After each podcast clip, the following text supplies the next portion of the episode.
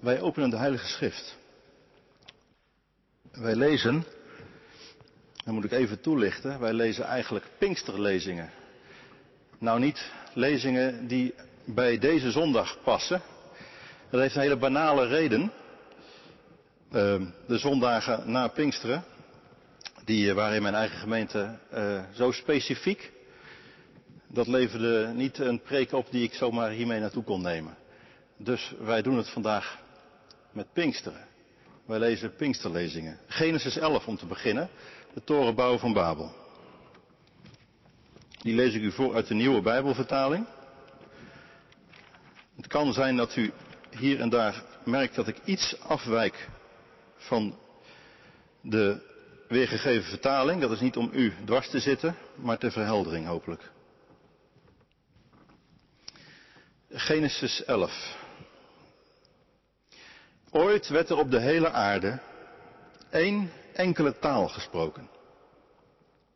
Toen de mensen in oostelijke richting trokken, kwamen ze in Siniar bij een vlakte en daar vestigden ze zich. Ze zeiden tegen elkaar, laten we van klei blokken vormen en die goed bakken in het vuur. De kleiblokken gebruikten ze als stenen en aardpek als specie. Ze zeiden, laten we een stad bouwen met een toren die tot in de hemel reikt, zodat wij ons een naam maken en niet over de hele aarde verstrooid raken. Maar toen daalde de Heere af om te kijken naar de stad en de toren die de mensen aan het bouwen waren. Dit is één volk. En ze spreken allemaal één en dezelfde taal. Sprak de Heer. En wat ze nu doen, is nog maar het begin. Alles wat ze verder van plan zijn, ligt nu binnen hun bereik. Laten wij naar hen toe gaan en spraakverwarring onder hen teweeg brengen, brengen, zodat ze elkaar niet meer verstaan. De Heer verspreidde hen vandaar over de hele aarde en de bouw van de stad werd gestaakt. Zo komt het dat die stad Babel heet. Want daar bracht de Heer verwarring in de taal die op de hele aarde gesproken werd. En vandaar verspreidde hij de mensen over de hele aarde. Zover de lezing uit het Oude Testament. Nu naar Handelingen, Handelingen 2. Van Babel naar Jeruzalem. Handelingen 2, vers 1 tot 13. Toen de dag van het Pinksterfeest aanbrak, waren ze alle bij elkaar. Plotseling klonk er uit de hemel een geluid als van een hevige windvlaag, dat het huis waar ze zich bevonden geheel vulde. Er verschenen aan hen een soort vlammen, die zich als vuurtongen verspreidden en zich op ieder van hen neerzetten. En allen werden vervuld van de Heilige Geest en begonnen op luide toon te spreken in vreemde talen, zoals hun door de Geest werd ingegeven. In Jeruzalem woonden destijds vrome Joden die afkomstig waren uit ieder volk op aarde. Toen het geluid weer klonk, dromden ze samen en raakten geheel in verwarring, omdat ieder de apostelen en de andere leerlingen in zijn eigen taal hoorde spreken. Ze waren buiten zichzelf van verbazing en zeiden, het zijn toch allemaal Galileërs die daar spreken? Hoe kan het dan dat wij hen allemaal in onze eigen moedertaal horen? Parten, Meden en Elamieten, inwoners van Mesopotamië, Judea en Cappadocië, mensen uit Pontus en Azië, Frigië en Pamphylië, Egypte en de omgeving van Cyrene in Libië. En ook Joden uit Rome die zich hier gevestigd hebben. Joden en proselieten. Mensen uit Kreta en Arabië. Wij allen horen hen in onze eigen taal spreken over Gods grote daden. Verbijsterd en geheel van hun stuk gebracht, vroegen ze aan elkaar, Wat heeft dit toch te betekenen?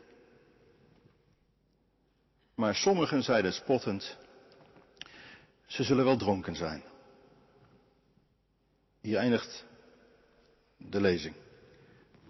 Gemeente van Jezus Christus, het is op een dag als vandaag met de zon hoog boven ons hoofd moeilijk voor te stellen dat een paar weken geleden nog maar de stormen over het land raasden. En naast dat die stormen veel stormschade losmaakten, maakten ze ook veel tongen los. Viel me op, weer mannen en weer vrouwen verschenen beurtelings op tv om tekst en uitleg te geven over het heftige weerbeeld. Dankzij het jeugdjournaal kon ik daar op mijn niveau gelukkig ook iets van oppikken. Een weerman legde uit dat in een stortbui heel veel koude lucht van grote hoogte uit de lucht mee naar beneden stroomt. En die koude lucht die slaat dan wel als het ware op de aarde, op de bodem, en slaat dan uit naar alle kanten. En dat schijnt, zeggen ze, soms die zware windstoten te veroorzaken die we gezien hebben. Zo hebben wij toen weer gezien wat wind kan doen. En dat als er winden beginnen te waaien, letterlijk alles van zijn plek kan komen. Zonder de wind zou het simpelweg op zijn plek blijven staan. Maar wind kan zo sterk waaien dat alles van zijn plek komt. Pinksteren is het feest van de wind. De geest die uitgaat van de Vader en de Zoon komt als een wind uit de hemel op de aarde en dan slaat die geest uit naar alle kanten. Stel je voor dat het helemaal nooit gebeurd zou zijn. Dat Gods wind, om zo te zeggen, hoog in de hemel gebleven zou zijn. Dan zou alles gewoon op zijn plek blijven staan.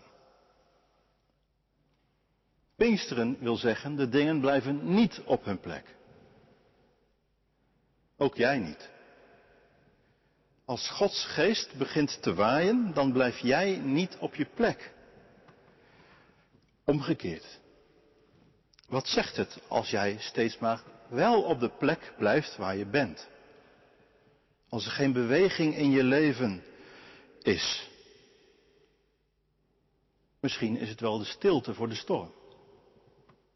Of misschien verzet jij je nog tegen de wind die je wel voelt duwen of trekken.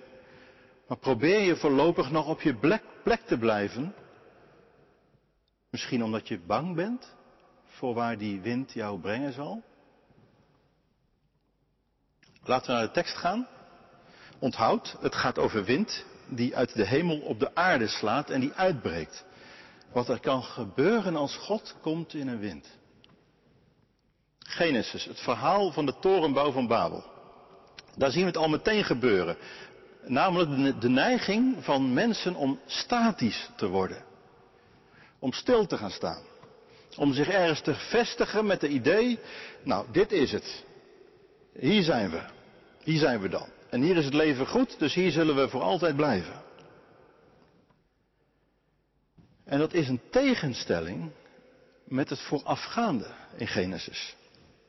Voorafgaand wordt verteld over Noach en zijn zonen Sem, Gam en Jafet en hun nakomelingen die zich over de hele aarde verspreiden. 70 nakomelingen zijn dat. En die staan voor 70 volken, alle volken van de aarde, die ieder hun eigen taal spreken. Zo had God het ook tegen Noach en tegen zijn zonen gezegd toen ze de ark verlieten. Toen de aarde weer droog was geworden na de grote vloed. Toen sprak God, wees vruchtbaar en vermenigvuldig je en bevolk heel de aarde. En toen gaf God hun zijn zegen. Maar in Babel gebeurt het omgekeerde. Geen verspreiding, maar bundeling en concentratie. Een massale trek naar de stad. En van 70 volken en 70 talen horen we niets meer. Nee, het is één taal Eén stad, één volk. En dat lijkt sterk te zijn. En dat is het ook. Het is een soort uh, Silicon Valley avant la lettre daar in Babel. De bundeling van mensen, zoveel creatieve geesten bij elkaar, het gemak van communicatie in dezelfde taal maken grote technologische sprongen mogelijk. Ze leren stenen bakken en specie maken. En daarmee kun je bouwen. En dat doen ze ook. De techniek staat voor niets. Er wordt een stad uit de grond gestampt die zijn weerga niet kent. En dan wordt een toren gebouwd die zijn weerga niet kent. Een toren tot in de hemel. Dan moet je niet denken dat dit nou zomaar een soort fantasieverhaaltje is. Want torenbouw was een bekend fenomeen in het Mesopotamische Rijk. In Irak of in Iran vind je vandaag nog altijd de restanten van wat ooit gigantische torens zijn geweest. Zigurats worden die torens genoemd. En dat zijn een soort, denken we, een soort tempeltorens. Meer dan een toren dus.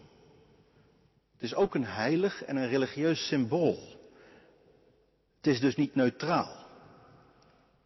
In Babel werd aan zo'n wereldwonder gebouwd. Als een manifestatie van technologische macht. En wat opvalt is de vanzelfsprekendheid waarmee technologische mogelijkheden worden benut. De vanzelfsprekendheid waarmee aan dat uh, megalomane project van de torenbouw wordt begonnen. Laten we een stad bouwen. Laten we een toren bouwen die tot in de hemel reikt. Er staat nog net niet bij waarom. Nou gewoon omdat het kan. Want zo neutraal is die torenbouw niet. Er spelen hele andere motieven dan alleen de techniek een rol. Er staat laten we een toren bouwen, zodat wij ons een naam maken en niet over de hele aarde verstrooid raken. Het gaat om een naam maken. Het is een kwestie van identiteit. En er is angst. Angst voor verstrooiing. Opvallend. Angst blijkt heel vaak een motief, een drijfveer van mensen te zijn. Zelfs dingen die heel mooi en die heel bewonderenswaardig zijn, die kunnen ook uit angst geboren zijn. Zorg, bijvoorbeeld. Ouders die zorgen voor hun kind. Of kinderen die voor hun ouders zorgen en die daarin heel ver gaan. Dat je denkt, wat is het knap? En wat is het goed? En hoe houden ze het vol? Maar dat het ook voortkomt uit angst. Angst om iets te verliezen zelf. In Babel wordt angst een drijfveer voor technologische ontwikkeling. Het is de angst voor verlies van eigen identiteit. Nou, dat moet ons toch bekend voorkomen.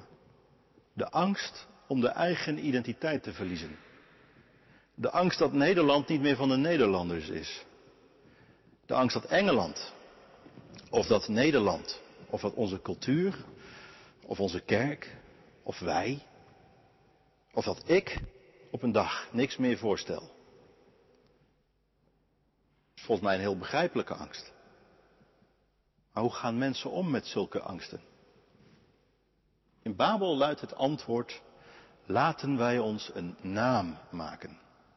Oftewel, laten wij onze identiteit verstevigen. Eén taal, één land, één volk. En alle neuzen dezelfde kant op. En ze stijgen in Babel vervolgens tot letterlijk tot grote hoogte. Ik vroeg me af, hoe menselijk zou die maatschappij in Babel ondertussen nog zijn? Wat zou de prijs zijn van die naam die ze daar bezig zijn om te maken? Welke offers zullen er in Babel in naam van die gezamenlijke identiteit moeten worden gebracht? las ergens, wanneer mensen meer dan mensen willen zijn, worden ze al gauw minder menselijk.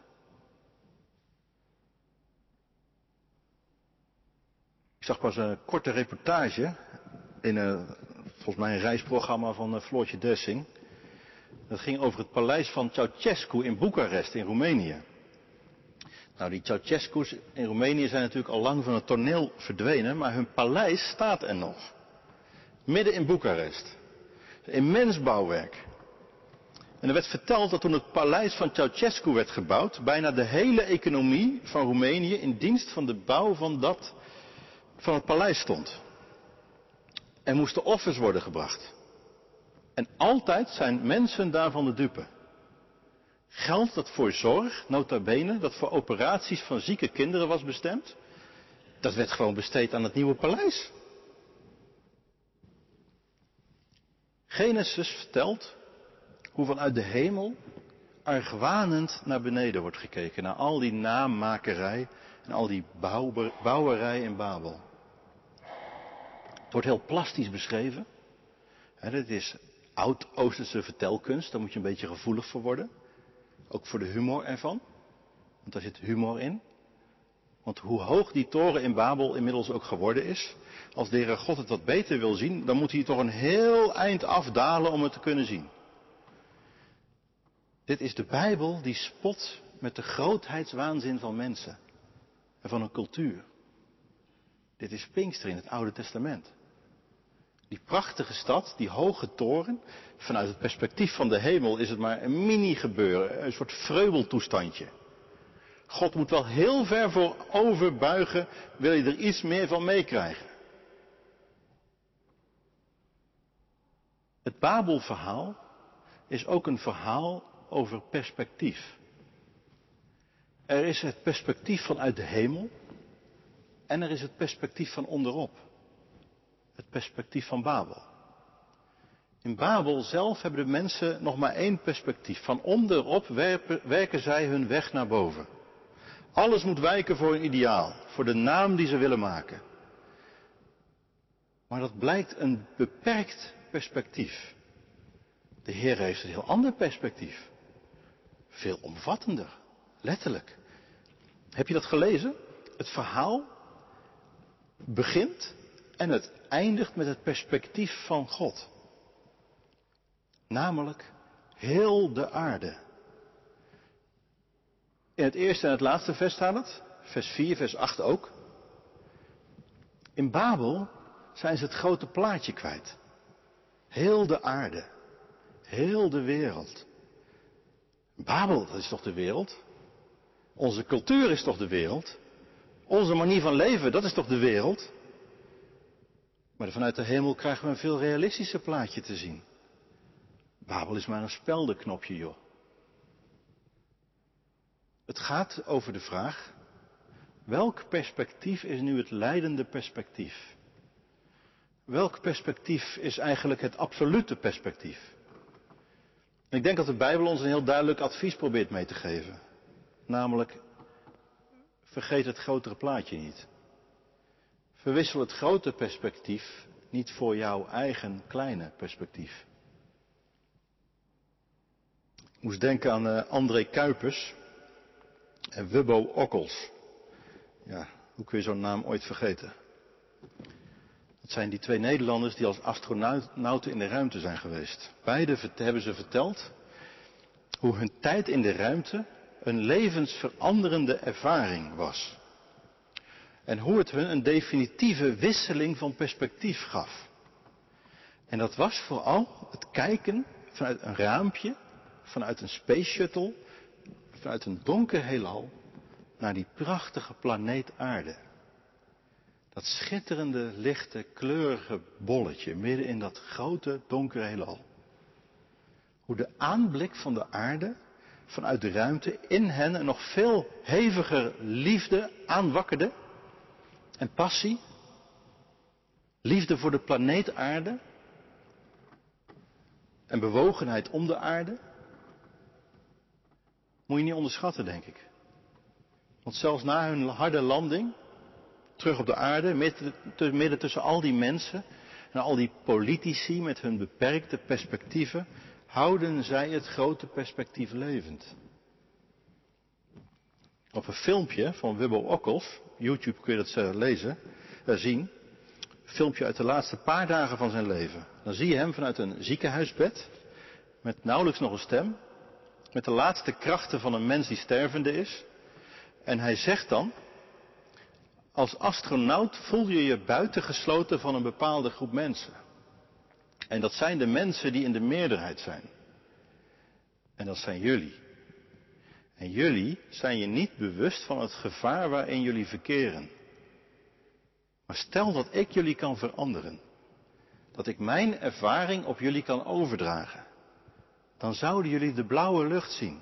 Niet de blauwe lucht die je op de aarde ziet, maar de blauwe lucht vanuit een donker heelal. En dan zouden jullie zien dat er echt maar één planeet aarde is. Ik denk vanuit het grotere schema van de dingen worden heel veel zaken relatief. Babel is vanuit de hemel heel relatief. En de Bijbel, het moet weer gezegd worden, de Bijbel houdt haar ogen steeds op het grote perspectief gericht. Heel de aarde. Je zou door de Bijbel heen moeten scrollen en kijken hoe vaak je deze woordcombinatie tegenkomt. Heel de aarde. God is schepper van hemel en heel de aarde. Paulus noemt Jezus Christus de koning van de kosmos, schepper en onderhouder van het heelal. Dat is ook bedoeld voor ons om nederig te worden. Dat is ook zodat ik mijn ecologische voetafdruk ga verkleinen. En Pinksteren is ook dat het grote perspectief, Gods perspectief, het perspectief van heel de aarde, leidend wordt. In het groot, denk ik, en in het klein ook. Ben jij bereid om je te laten storen in jouw perspectief op de dingen? Klopt het wel, hoe je kijkt? Of is er nog een ander, groter perspectief? Ook in de omgang met God, denk ik. Gaat het er nou om hoe jij God ziet? Of kan het ook de vraag zijn hoe God naar jou ziet? Ik denk religie, dat is heel veel godsbeschouwing. Hoe wij mensen God zien. Geloof is iets anders.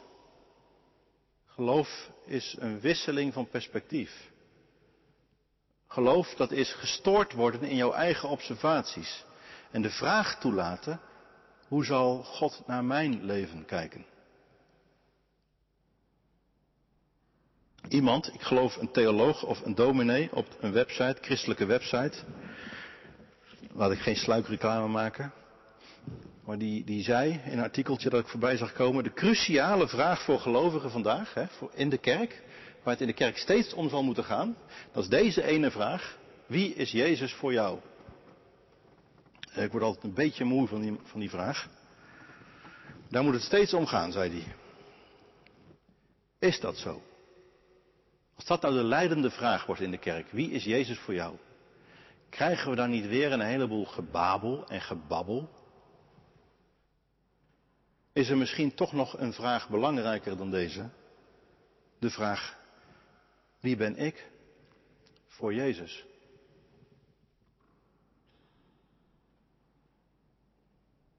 Gemeentelid dat niet lang meer te leven heeft, zei tegen me, toen we samen wat terugkeken op haar leven, wat zij natuurlijk voortdurend aan het doen is nu. Toen zei ze tegen me dat God er altijd was geweest. Terugkijkend in haar lange leven kon ze zeggen dat hij er altijd was geweest. Maar dat ze zich nu vooral afvraagt, ben ik er wel voor hem geweest? En nu bid ik maar, zei ze, nu bid ik alleen nog maar of ik straks in de hemel bij de Here mag wonen. Over verandering van perspectief gesproken. Ik denk, ze maakt Pinksteren mee. Pinksteren is wisseling van perspectief. Gestoord worden in je belevingswereld. Dat kan heel radicaal gebeuren en dat kan heel ongemakkelijk zijn. De spaak die de Heere God in het wiel van Babel steekt, is de spaak van de taal. Als de gemeenschappelijkheid van de taal wegvalt, probeer de boel dan nog maar eens bij elkaar te houden. In Babel is het gauw over en uit. Die ene bouwvakker vraagt om een steen en de andere die geeft hem een troffel. Ja, zo kun je geen torens bouwen. Zo kun je niet samenwerken. En vanuit de nood geboren zoekt ieder zijn eigen weg over de aarde. Even tussendoor, staat er heel subtiel in de tekst, is een beetje wegvertaald in de MBV. Maar die spraakverwarring in Babel, die begint ermee dat God spreekt. God spreekt En het resultaat op de werkvloer is dat ze elkaar niet meer kunnen verstaan en dat er weinig meer te zeggen valt. Ik dacht, zou het nog steeds kunnen? Zou dat nog steeds kunnen? Dat het, niet op, op een bepaalde manier helemaal gebeurt in onze tijd. Dat er opnieuw een soort sprakeloosheid aan het gebeuren is. En elkaar niet meer verstaan. Elkaar niet meer kunnen bereiken met woorden. Iemand die daar rake observaties over doet, vind ik, dat is de Vlaamse psychiater Dirk de Wachter. Die kennen jullie volgens mij, die heeft hij wel eens een lezing gehouden. Nou, Dirk de Wachter is een psychiater die met de middelen van de psychiatrische diagnostiek naar de samenleving kijkt. En hij neemt waar dat er een soort terugval is. Of een terugkeer naar een voorwoordelijke cultuur. En als voorbeeld noemt hij ook de social media. Facebook, Twitter, Pinterest, Instagram. De woordcultuur die vervlakt helemaal, zegt hij. Waar wij twitteren en wij appen woordjes en zinnetjes. Het is allemaal kort en kort door de bocht. En de woordcultuur maakt plaats voor een beeldcultuur, voor de plaatjes die wij elkaar laten zien. Wij praten tegen elkaar met smileys en emoticons. En in de, zelfs in de kerk willen we graag een beamer erbij hebben. Dat staat niet op zichzelf, dat is een verschuiving in de cultuur. En daar maakt hij zich dus een beetje zorgen om. Om het gebrek aan taal en woorden. En dan zegt hij dat is eigenlijk een terugval van de cultuur. Het is een terugval naar een situatie zonder woorden. Of een situatie met veel minder woorden.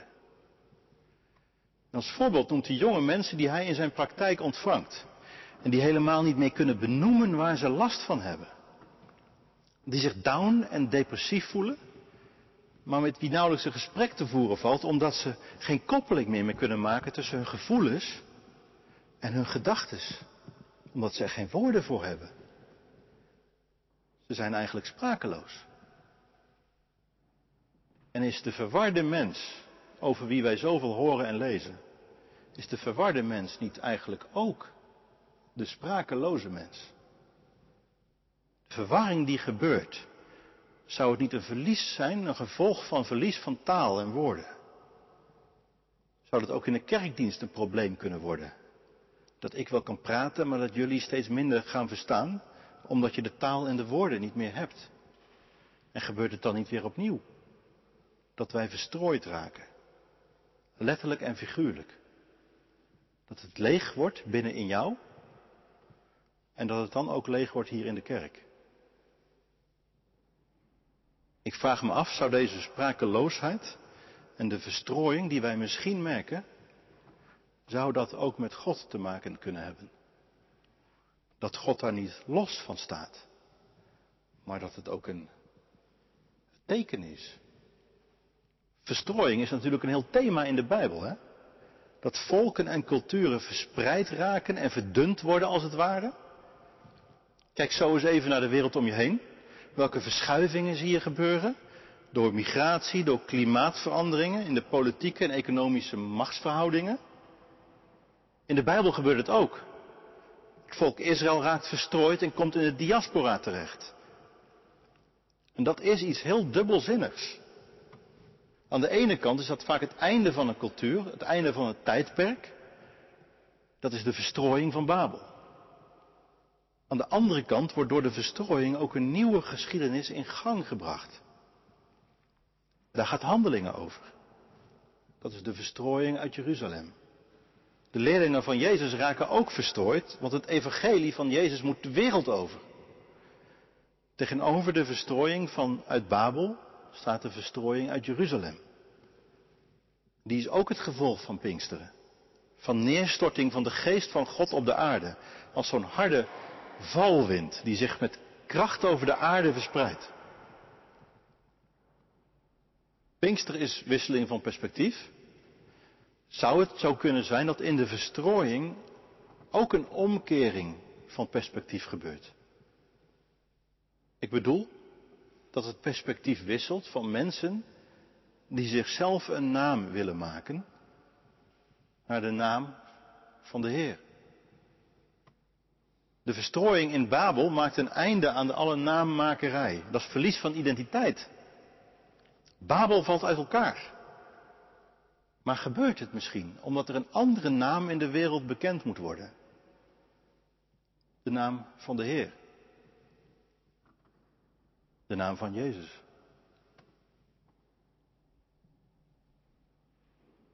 Toen het Pinkster werd in Babel was het het einde van een cultuur. Van een volk dat zich voor zichzelf een naam wilde maken. Toen het Pinkster werd in Jeruzalem werd de naam van Jezus de wereld ingeslingerd. Was dat je al opgevallen?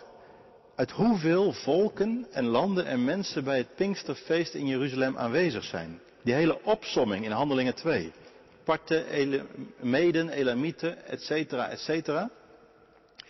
Dat is een beschrijving van de hele toenmalig bewoonde wereld. Lucas noemt zeven volken en tien landen. De zeventig volken en talen. Alle afstammelingen van Noach en zijn zoon, die komen plotseling weer in beeld. Jeruzalem op het Pinksterfeest, dat is de hele wijde wereld. En die hoeven niet eerst allemaal dezelfde taal te leren voordat ze de leerlingen van Jezus kunnen verstaan. Nee, die horen de leerlingen in hun eigen taal spreken, in hun moedertaal. Staat er drie keer om het maximaal te benadrukken. In Babel was het één, taal, één stad, één volk. Om een naam te maken voor die stad en het volk.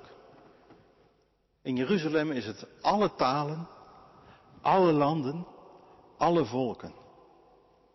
En ook een naam. Maar het is de naam van de Heer. Wij allen horen hen in onze eigen taal spreken over Gods grote daden. Vers 11. Wat heeft het toch allemaal te betekenen? Vragen ze zich op het Pinksterfeest in Jeruzalem af. Dat is de vraag, ja. Wat heeft dit alles nu te betekenen? Voor ons. Want Pinksteren gaat over hele grote dingen. En in de preek worden grote stappen gezet. En de preek wordt zelf een soort Pinksterspraakwaterval. Maar waar zitten wij dan in dat hele grote verhaal? Nou, ik zou zeggen, wij zitten misschien allemaal op de een of andere manier, zowel in Babel als in Jeruzalem. Het gaat over verstrooiing en verwarring die je om je heen bespeurt, waar je middenin zit, die misschien ook wel in jouzelf gebeurt. En dat is ons of jouw eigen Babel. En de Bijbel leert, dat hoeft niet los te staan van God. Ook jouw verwarring kan van de geest zijn. Dat je op de een of andere manier gestoord moet worden, omdat er anders een verkeerde naam het voor het zeggen gaat krijgen. Omdat er anders slachtoffers vallen. Jijzelf. Of iemand anders. En misschien is de verwarring ook nodig om van perspectief te wisselen. Om nou eindelijk eens een keer open te worden voor het grote perspectief van God. Dat zijn naam voor je gaat leven. Dat zijn naam jou gaat beginnen voor te drijven. En de belofte van Jeruzalem is dat je daar zelf ook wel bij vaart. Dat als God God wordt in jouw leven, dat jij dan ook mens blijft. Mens met een eigen taal, met een eigen manier van doen, met een eigen stijl een mens en een God. Eén naam. Amen.